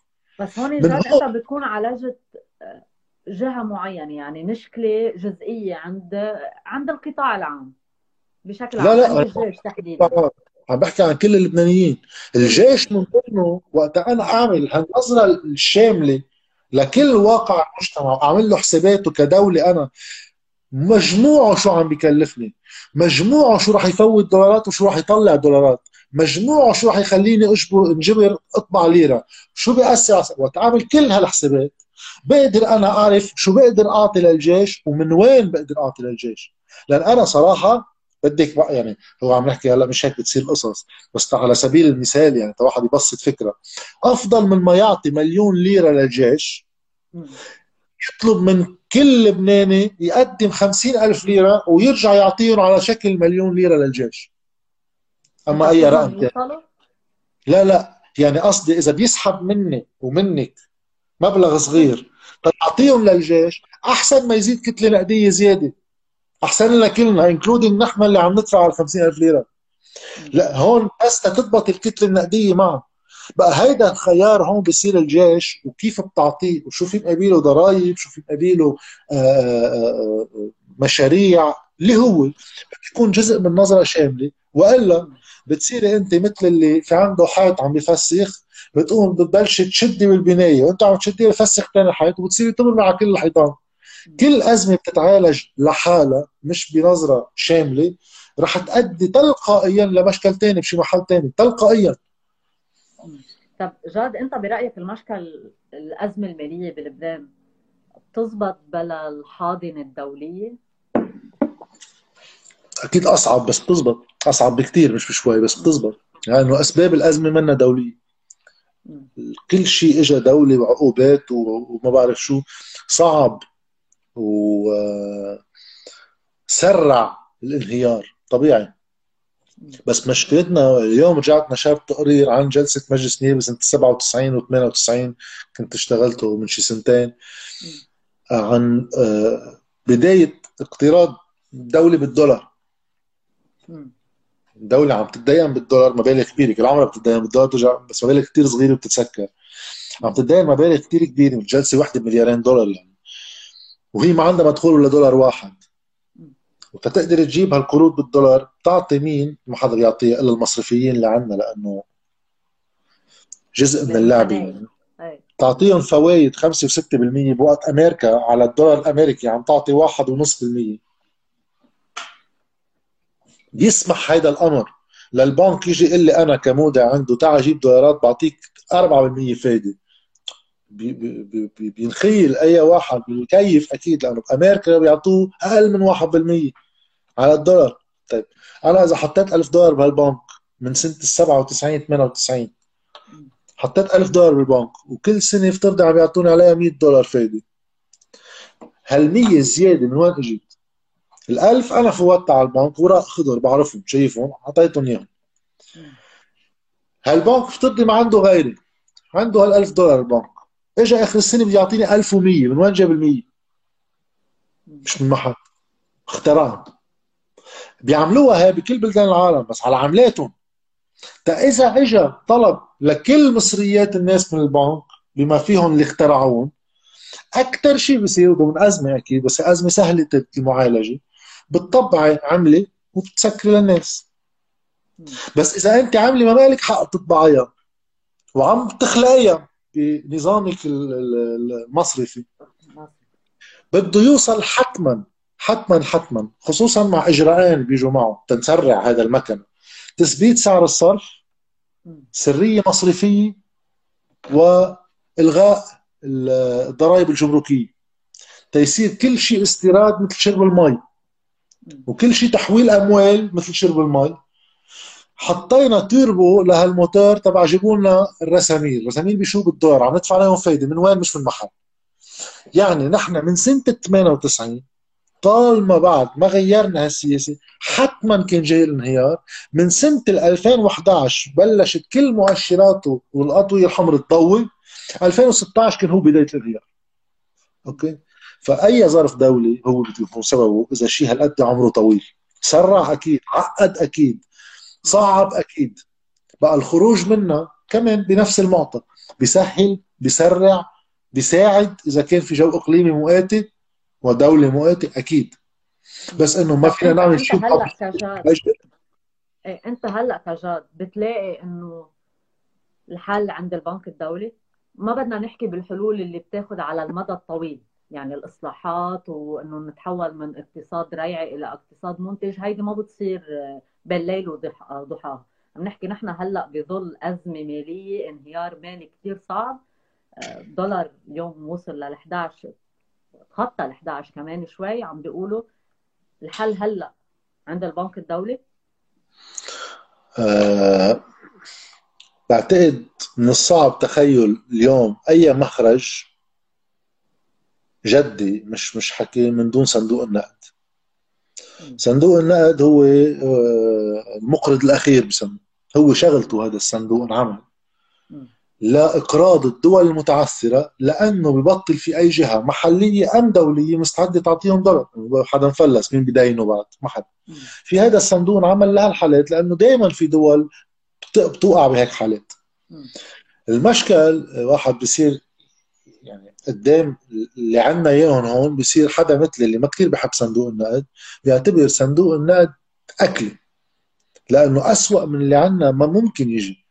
السبب كمان إضافي إنه نحن يمكن بدك كمان واحد يعرف شو في عنده رياض سلامة ما قالوا ربك عليه بس يمكن على الارجح يعني لو بتشرين 2019 عندما أقفلت المصارف أبوابها حتى قبل لو بأيلول 2019 حتى قبل المظاهرات وقت سعر الصرف لعب أول مرة أول أيلول صار 1560 و70 وبلش يطلع.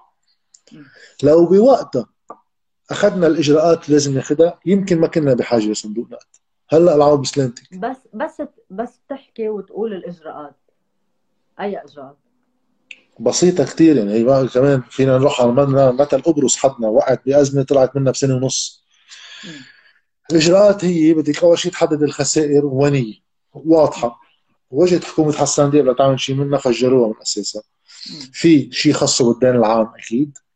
في عندنا المصرف المركزي والخسائر اللي كانوا مخبيها ومركمها وإدفها لسنين لقدام وفي عندنا القطاع المصرفي برقم خيالي يعني. يعني واحد طيب بسط الأرقام بيقول 100 مليار. طيب.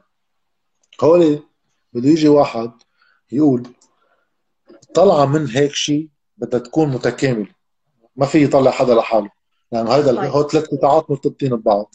بنبلش بخطة اقتصادية. بنسأل حالنا طيب لبنان بوضع مزري. ما في يطلع منه هلأ.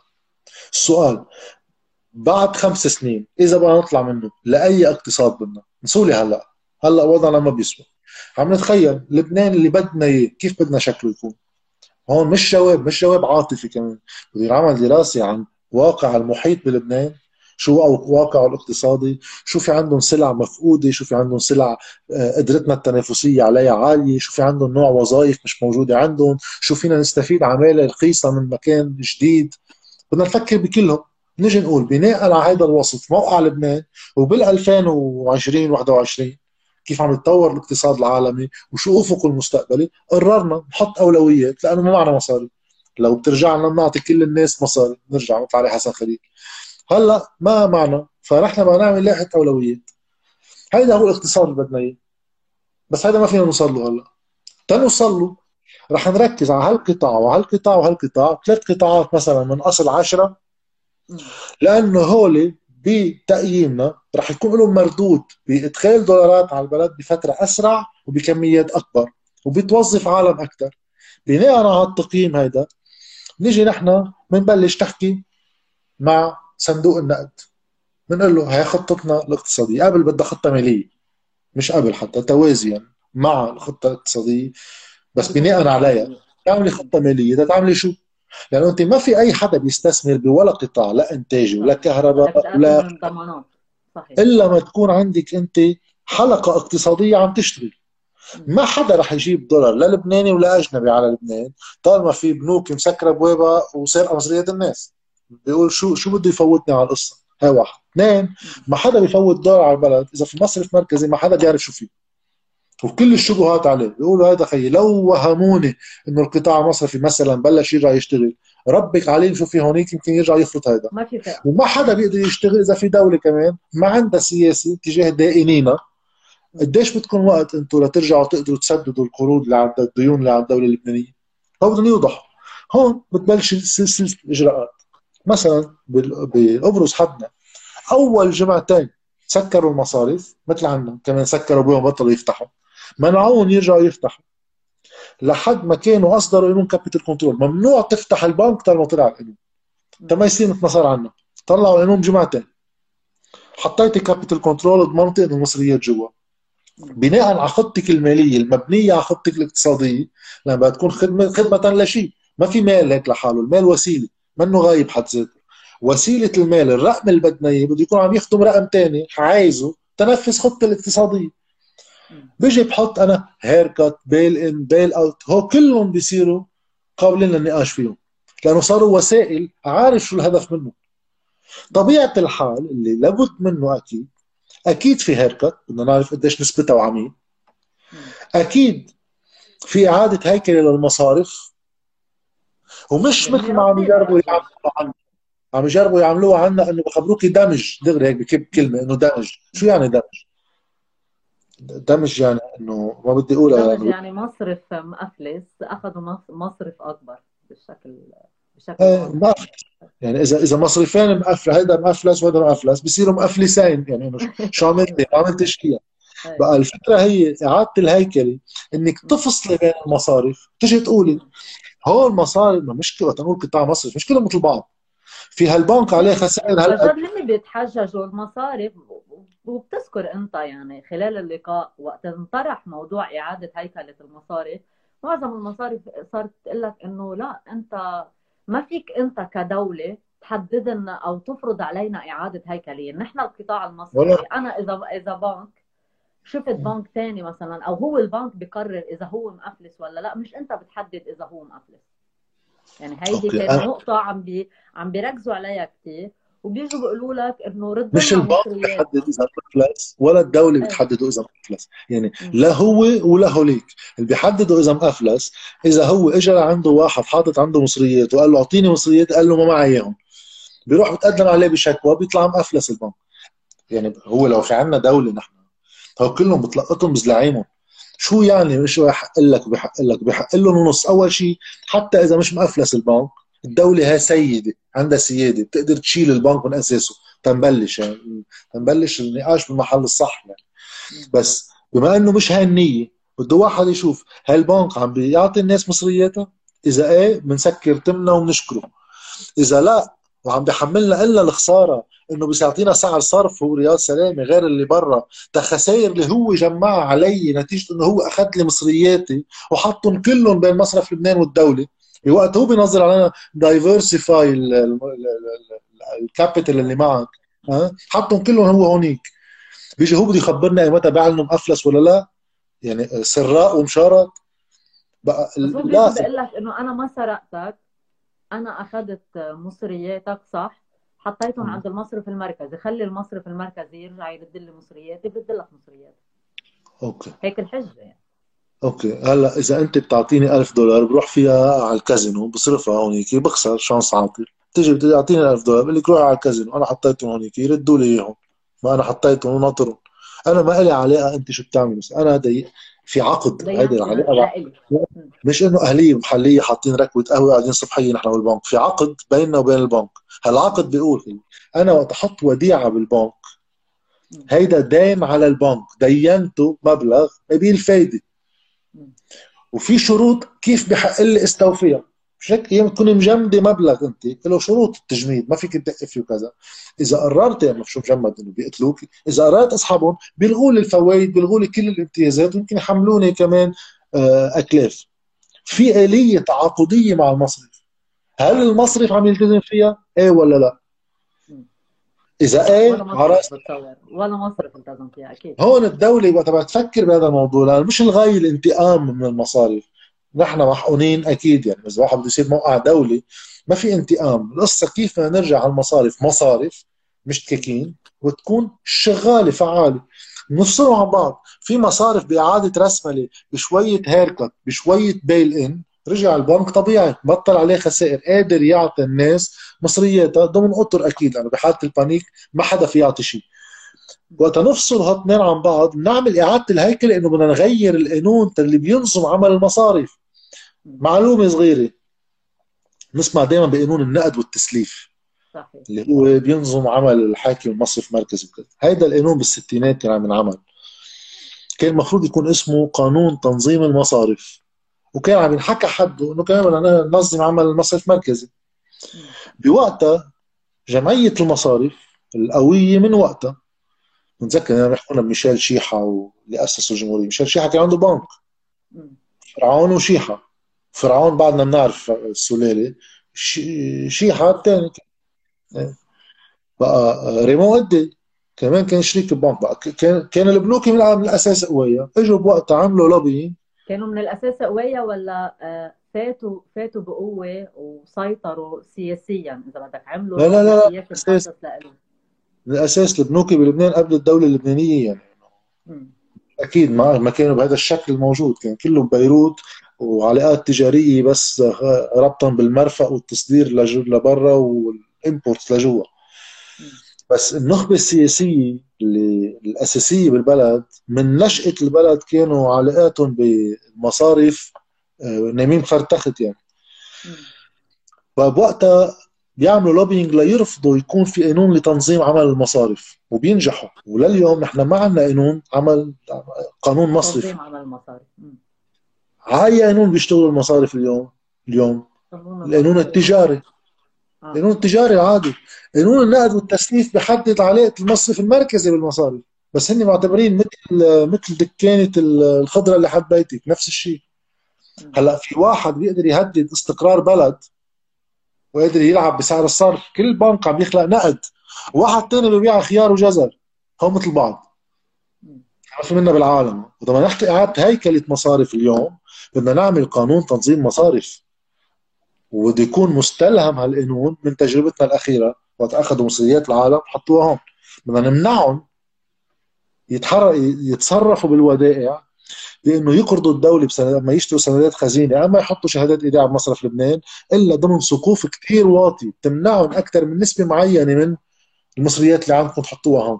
بدنا بس نجبرهم بتوظيف تزبط قديش تزبط بظل انخراط ال- المصارف بال- بالعمل يعني بالسياسيين. يعني هن مثل ما بيقولوا أنت قلتم نائم ونايمين بفرد تخت هل بتزبط؟ يعني أنت برأيك بو- بوجود هيدا system السياسي المصرفي اللي آه، مرق لي تمرق لك فيه يعني؟ لكن ينعمل هيك هيك قانون؟ خلينا نعتبر هيك معادلة تبسيطية شوي إنه في ناس هيك block اسمه الناس مصالحهم هي آه، معاكسة لمصالح من في السلطة. أو بلوك تاني فوق طيب هذا بالجامعة مرة أحد الدكاترة بيسألنا هيك سؤال كنا أول سنة بعدنا شو قوة من في السلطة؟ شو القوة اللي بإيده؟ هو اللي بالسلطة اللي عم نحكي عنه مصارف سلطة كمان السلطة عم نحكي بمعناها الواسع شو قوة من في السلطة؟ شغلتين بسيطة يعني أول شيء إنه المال اللي راح يكون بالسلطة بشكل عام راح يكون جاي من محلات ماديا عنده وصول عليها وثانيا السلطة نفسها بحرك عسكر بيطلع لك قوانين. يعني في شغلة مسموحة يمنعها في شغلة ممنوعة يسمحها وعنده القدرة ينفذ. السلطة قوتها هي هون نسالنا طيب شو قوة؟ هو قوة قوة كبيرة كثير شو بتعمل بيها شو قوة الناس؟ إذا هاي قوة السلطة شو قوة الناس؟ بيطلع جواب كثير بسيط يعني. شو؟ طقت السلطة. لا لا قوة الناس من وين بتجي قصدي؟ من العدد أكثر بكثير يعني الناس أكثر بكثير من هول اللي فوق. بتقولي لي اليوم إنه المصارف ما عندهم مصلحة فهي كيف بدها تصير؟ أما السلطة السياسية. إيه؟ إذا الناس مش موجودين كعدد ما بيصير معك حق بيكون. جد ال- الناس عم بتشارك بال بال بالسيستم القائم. يعني نحن بلبنان خلينا نكون شوي واقعيين. من وقت الأزمة معظم الناس صارت صرافين دخلوا بهيدي اللعبة. إيه بس والسعر الصرف مرتبط بالعرض والطلب كمان. يعني أنت برأيك إنه هل هو سعر بس هيدا منه منه نقطة ل... ولا شيء اقتصادي؟ منه نقطة ل... ل... نعمل حكم على الناس إنه عم بيشاركوا. أكيد بيشاركوا. يعني أنت الناس بتحطيها ب ecosystem بيشتغلوا من ضمنه. يعني إذا واحد شيوعي قاعد بأمريكا ما فيش يقرر يكون شيوعي. وإذا واحد راسمالي قاعد بالاتحاد السوفيتي ما فيش يقرر يكون راسمالي بده يشتغل ضمن system الموجود. وقت كان سعر الصرف 1005 أنا مثلا كنت ضد يبقى مثبت سعر الصرف. اي بس مش إنه ببطل استفيد منه بحب روح لبش مين في يسرق لي مصرياتي لأنه بدي أدفع السعر الحقيقي. تشتغلي ضمن system. هلأ هذا system تغير طبيعي. تغيره لهال system حطك بقصة الشيكات والناس تصير صرافة. إيه، هيدا منه إدانة لحدا هاي طبيعة الحياة. أنا اليوم كيف في أبقى طيب؟ وفي بلد عم ينهار. بعمل شو ما كان survival mode شغلة اللي بده يضبط behavior العام ليفيد المصلحة العامة مش كل واحد يضر غيره هي القانون اللي المفروض يكون صادر عن جهة شرعية اللي هي الدولة. أنا شو ما أتصرف اليوم ما بتحمل مسؤولية شيء. في حدا مسؤول سمح لي أعمل واحد اثنين ثلاثة. قد ما مسمح لي أعمل بعمل طبيعي. على الدولة هي تنظم الأمور وتغيرها. ما في مسؤولية على حدا. هي مثل نفس الشيء قصة كورونا. إنه شو هالعالم الحمير وبنعمل لهم هيك بنشوف حريم على التلفزيونات إنه راحوا سهروا على راس السنة. وفي على فكرة وزراء بيطلعوا بيقولوها. طيب. كمان واحد من دون ما يكون كتير ثقيل يعني بس إنه فكرة وجود قانون بمجرد ما في عندنا شيء اسمه قانون. منطلقه مش ضروري إنه حمير بس إنه هون الناس شغلتهم يروحوا يعملوا مصالحهم الفردية الذاتية على حساب كل شيء تاني. مجبورين تما يضروا بعض تما يضروا البيئة وتما يضروا الملك العام تما يضروا غيرهم. نجبرهم بأطر قانونية بتنظم الحياة العامة لأنه مش كل إنسان عايش لحاله على الكرة الأرضية. لو ما في حاجة للقانون لو بنقدر نقول إنه الناس واعية وبتعمل المصلحة العامة ودائما بتفكر بكل شيء ما بعملهم قانون. بقى أنت بتيجي بتقول لهم لكم حق ترقصوا على رأس السنة ما لكم حق لكم حق تسهروا سوري على رأس السنة. وبعدين بتيجي بتلومهم كيف راحوا سهروا؟ قال لازم يكونوا واعيين. أنت لازم تكون اوعى يعني إذا بدرجات الحمراء يعني في درجات كمان. بقى القانون والنظام العام بيفرض عمل المواطن. وين ببلش أنا غير فكري؟ وقت نبلش نحكي عن مجموعات. مش الدولة هي أكيد أكبر وحدة. بس حتى الأحزاب. الأحزاب لازم يكون عندها آه، أطورة ذاتية لتغيير behavior تبع أعضائها لخدمة مشروعها. بفهم. لأنه بصير لها غاية. مثلا اليوم اللي آه، البيئيا اللي مع recycling إعادة تدوير الزبالة. شو لها معنى؟ لها معنى فردي هيك لراحته النفسية الواحد. شو لها معنى واحد لحاله هيك قاعد يروح يجمع الإزازات لحاله البلاستيك لحاله الكرتون لحاله والباقي ويروح يوزعهم عم يرضي حاله هون في إفادة 0.0 مليار صفر وواحد للبيئة لأنه هذا لحاله. بس هو شخصيا هيك عم بيريح راسه إنه عم بعمل واجبي بس بتصير هيك كثير مهمة. وقت نبلش نعمل مجموعة ونقول كلنا بقى نعمل هيك. بقى من هون المسؤولية ابدا منها فرديه ما في أي مسؤولية على الناس تعمل اللي بدها إياه. إلا بانها تبقى موالي ما في مشكلة جاد.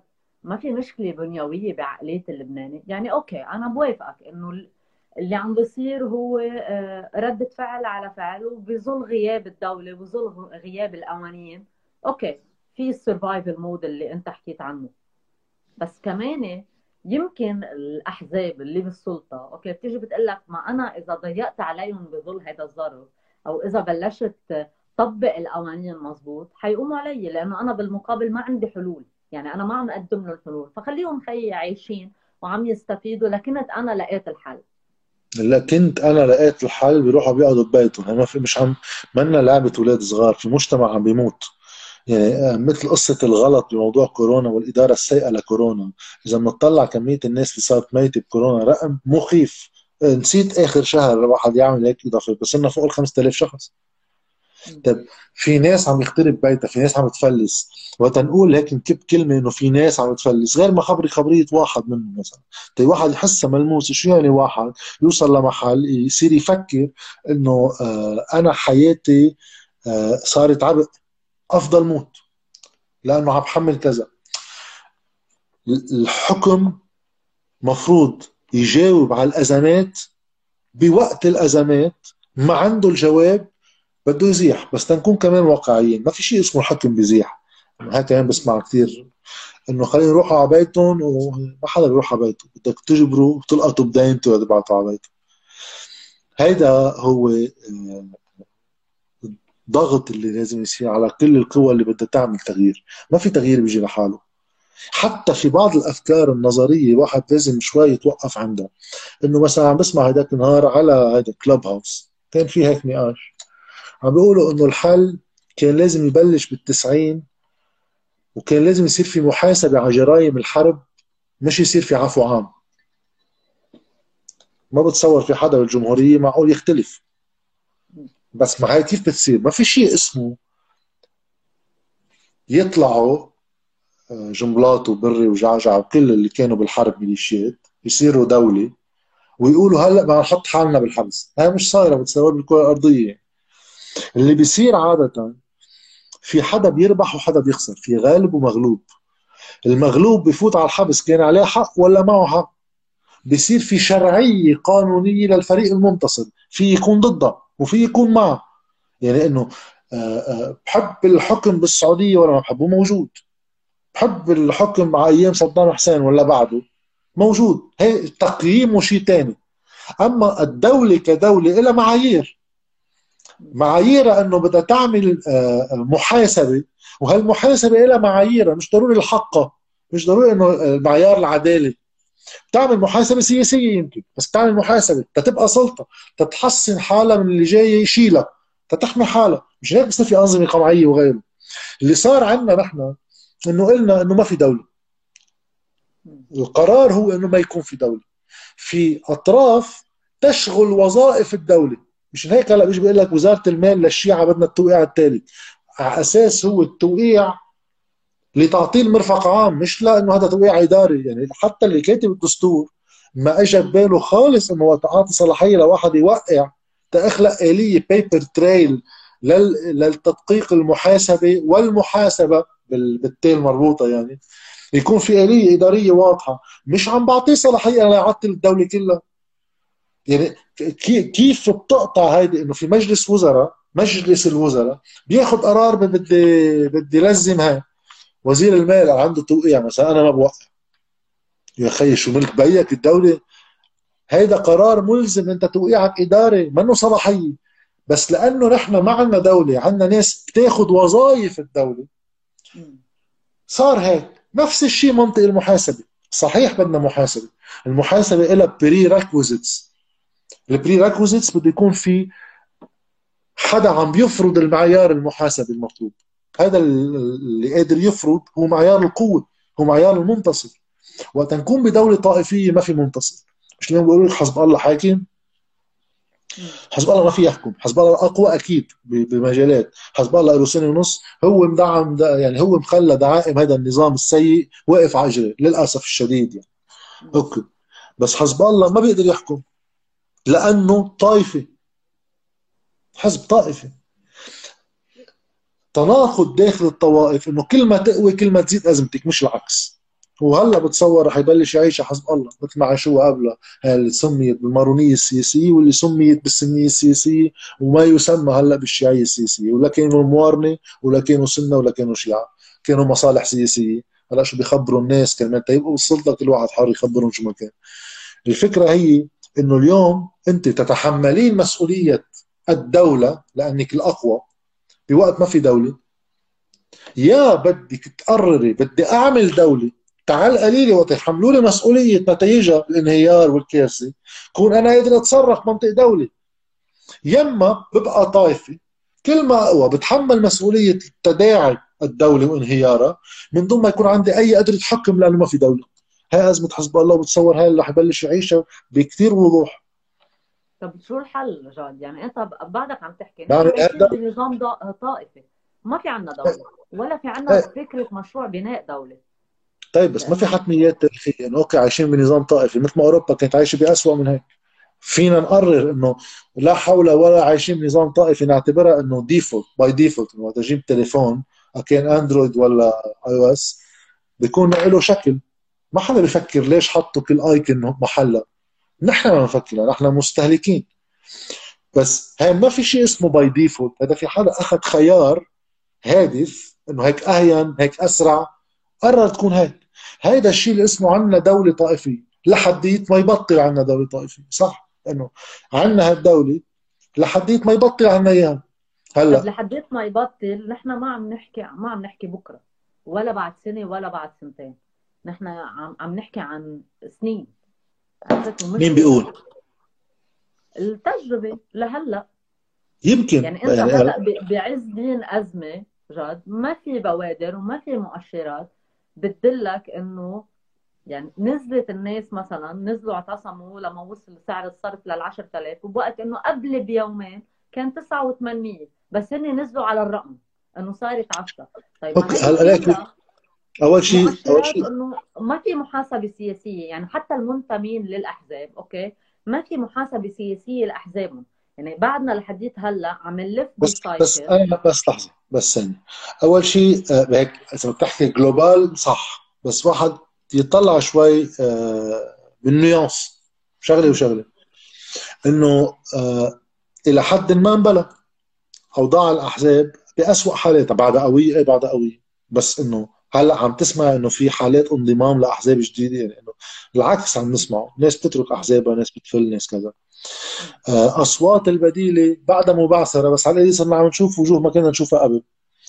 الاعتراض هلا قصه ال 10000 ليرة انه بنعرف إنه في أحزاب في قوات وفي غيره وفي يمكن مخابرات تشك يمكن داخلية يمكن خارجية، الشارع فالت لدرجة. مين ما كان يقدر يحط إيده فيها. صحيح صحيح. عملت جولة اتصالات على اللي بعرفهم من المجموعات المختلفة يعني.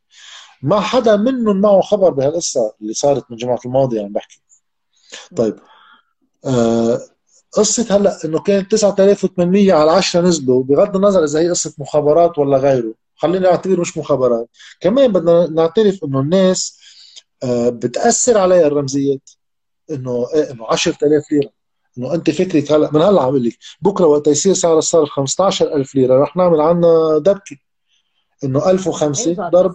حتى حتى إذا بدي أقول لك إنه هن اعتمدوا على الرمزية أوكي؟ نزلوا. إيه بس ما خليني كفي لك أنا ما ما ما عم قر إيه بهذا الشيء. بدي شيل موضوع المخابرات بس ما استمروا رجعوا طلعوا إيه بس بس لحظة ما أنا ما عم قر بهذا الشيء. ما عم بقول إنه عم بيصير عادي وعظيم وهيك هيك بتصير. لا إيه أنا عم عم عم بشدد كثير على الوضع السيء اللي نحن فيه. لدرجه ما بقول في مجموعات لازم تحل نفسها وتندمج بغيرها وهذا عادة ما بينطرح الحديث إذا واحد راضي عن مسار الأمور. أنا اللي عم أقوله إنه في جزء من الواقع عم يتطور ولكن ببطء شديد. هلأ السؤال ليش الناس ما عم تعمل بأحجام كبيرة نشوفها؟ إنه عم تعمل بس ببطء وما بين الهجرة وبين القعدة بالبيت ما بنحس فيهم يعني. هذا الانتقال. لأنه الانتقال كمان تنكون واقعيين مش النظري مش الكتاب والقلم. الواقع شو بيقول؟ أنا اليوم بلبنان بفل من حزبي خليني أعتبر حالي أنا بشي حزب من أحزاب السلطة. بفل منه هيدا واترك المنافع اللي يمكن هي نظرية أما مادية بستصعب قديش بس بعد في بعد في اعاشات وبعد في مساعدات. okay. عم بترك هو وعم بعرض حالي لخطر بمنطقتي لأنه الزعيم جماعته هن لاقطينا okay. تروح لوين؟ أنا إذا إذا عم بعمل هلا آه قمار عم قامر على match football على حيلا شيء أنا وقت بدي آخذ هيك خيار. عم بحط ال risk. ما بدك تعطيني شو ال reward عم بدفع مصاري. ما فيش إلي ربح. طيب أنا هيدا ال risk اللي علي. اترك منافع. اعتبر خائن من مجتمعي ومدري شو والزعيم وسلطته خطر علي. okay. شو ال reward شو بربح؟ عادة اللي بيعمل هيك خيار عم يستثمر بالمستقبل. عم بيعتبر أنا اليوم عم بترك هيدا. لأنه اللي عم بروح لعنده ربحان بكرة رح يصير هو سلطة بكرة. أوكي. هذا عم بشيل طبعا عن جنب للأساس تبع الناس اللي بتغير رأيها. إذا مقتنعه اولا عم بحكي اللي عم بنق بوضع حزبه الداخلي وبرضه ما عم يتركه. لأنه ملقوط. وهون بنعرف كثير منهم. أنا بعرف كثير منهم. كلنا بنعرف كثير منهم. إذا بتعرف خي لا الوضع ما منيح بس ما بيترك. تيترك بده يكون الخيار عقلاني بالانتقال. لليوم للأسف لجزء كثير كبير من الناس رغم كل اعتراضاتهم على واقع البلد ومسؤولية السياسيين عنه منه خيار عقلاني بعد اترك ما تبقى من سلطة اجتماعية لأن كل ما تروح الدولة كل ما السلطة الاجتماعية عاوزة أكثر هاي بديلة عنا بعد زيادة. هالطائفة هيدي عم بيجي اتركها أنا بمنافعها بشي مستشفى ميداني عندها إياه بشي إعاشة عم تعطيه. اتركهم لمين؟ للمجهول. ومن هون عم نجي تنخلي هالخيار يصير عقلاني أكثر تنقول له في عندك ريورد أكبر. بدها المجموعات المعارضة تظهر قوة أكبر. لهيدا يجي يقول له إنه إيه ما عم بيت يعني أنت البديل لهلأ منه موجود بقوة لحتى هيدي الناس تفكر بشكل عقلاني وتبتعد عن غريزة البقاء ضمن هيدي السلطة سواء كانت مجتمعية أو حزبية. وتروح عند الخيار العقلاني المتمثل بالبديل لمستقبل أفضل. شو الحل؟ الحل كثير بسيط. الحل إنه هاي المجموعات أول شيء تنطلق من فكرة سياسية. أنا نبلش ترى واحد يعرف مين عم يحكي يحكوا مع بعض بيكونوا يشبهوا بعض بشيء مش تلزيقه مثل كلنا وطني تبع 2018 ما حداش بطيق الثاني وما حداش حكي مع الثاني بنلزقهم إنه يابا هول. بنبلش من هون وبده يصير الشغل على وكمان واحد يكون كثير واقعي بعد أكثر يعني واحد يحكي القصص مثل ما هي بالحياة يعني أنا بنقعد نحكي إنه كلها قصة فكرية كأن لو القصة كلها فكرية كانوا المعارضة حتميل البلد لأنه كل الناس بتسب. بدك توحي بالقوة إيحاء بالقوة هو جزء منه قوة حقيقية بإنك تكبر عددك والجزء الثاني منه هو إيحاء القوه من خلال المؤتمرات وكل الاحزابنا بالبلد بيشتغلوا عليها. أنا كنت غطي المظاهرات تبع الأحزاب وكذا. إذا بتنزل لتحت على ساحة معينة بيكون العدد شيء وإذا بتشوفيه على التلفزيون بتفكريه شيء ثاني تماما. كله إيحاء بالقوة وإضاءة وتنظيم مؤتمر ومدعوين وبفوت بسلم بيقعد يمشي نص ساعة مع موسيقى. هذا كله تظهير صورة قوة. بس بدها تكون على حد أدنى من قوة ولا بتصير كاريكاتير كمان. ما في واحد يحط له موسيقى وما فيش اثنين ماشيين ورايا. هيدا واحد بس هيدا كله تيصير بده بده يصير في دمج بين القوى المعارضة. واحد على مشاريع سياسية. المشاريع السياسية بحاجة لتمويل. هالتمويل بدهم يفكروا تيقدروا كمان يوحوا بالقوة. لأن كيف بده يصير لحق بدك مصاري. تعملي مهرجانات تعملي كيوسكات تعملي مكاتب بمناطق. هون بدك علاقة. يمكن بالمغتربين بيقدروا هون يلعبوا دور كثير كبير. بانه ينتموا لهول الأحزاب. إنه إذا كل يوم دائما الناس تسال شو الحل. إذا أنت فعليا معترض ده انت فعليا عم تنبش على حل فوت على أي مجموعة من هول المجموعات على أي مجموعة. يعني أنا عندي ناس بفضلهم على ناس أكيد. بس إذا عم نحكي تغيير فوت على أي مجموعة. بمجرد ما أنت تفوت على مجموعة عم تبلش تزيد لها عددها تزيد لها ال resources تعطي من وقتك لها. وهون الخارج نفس الشيء المغتربين برا. يفوتوا على هول المجموعات ما فيش دعم للبلد مجرد. هيك دعم للبلد. شو يعني دعم البلد في فكرة لكيفية دعم البلد you should subscribe to. وتصير أنت عم بتجرب تساعدها هون بصير كل طرف بده ينبش على مغتربين عندهم نوع من تمويل عندهم نوع من السؤال اللي أنا طرحته عليك بالأول قلت لك دور الدياسبورا برا لأنه هن منهم رقم سهل مش رقم آه، عدد صغير. عم نحكي عن عنا نسبة مغتربين كثير كبيرة. وبنسمعهم معظمهم. يعني بيجوا بيقولوا لك إنه بدنا لبنان الرسالة والسلام واللحم بعرفين والعيش المشترك بلا بلا بلا بلا بلا. بس حتى برا في عندهم أزمة انتماء للسلطة سواء كانت سياسية ومجتمعيه وال... والناس اللي ممكن تأيد العقلانيين إذا بدك بالبلد قلة.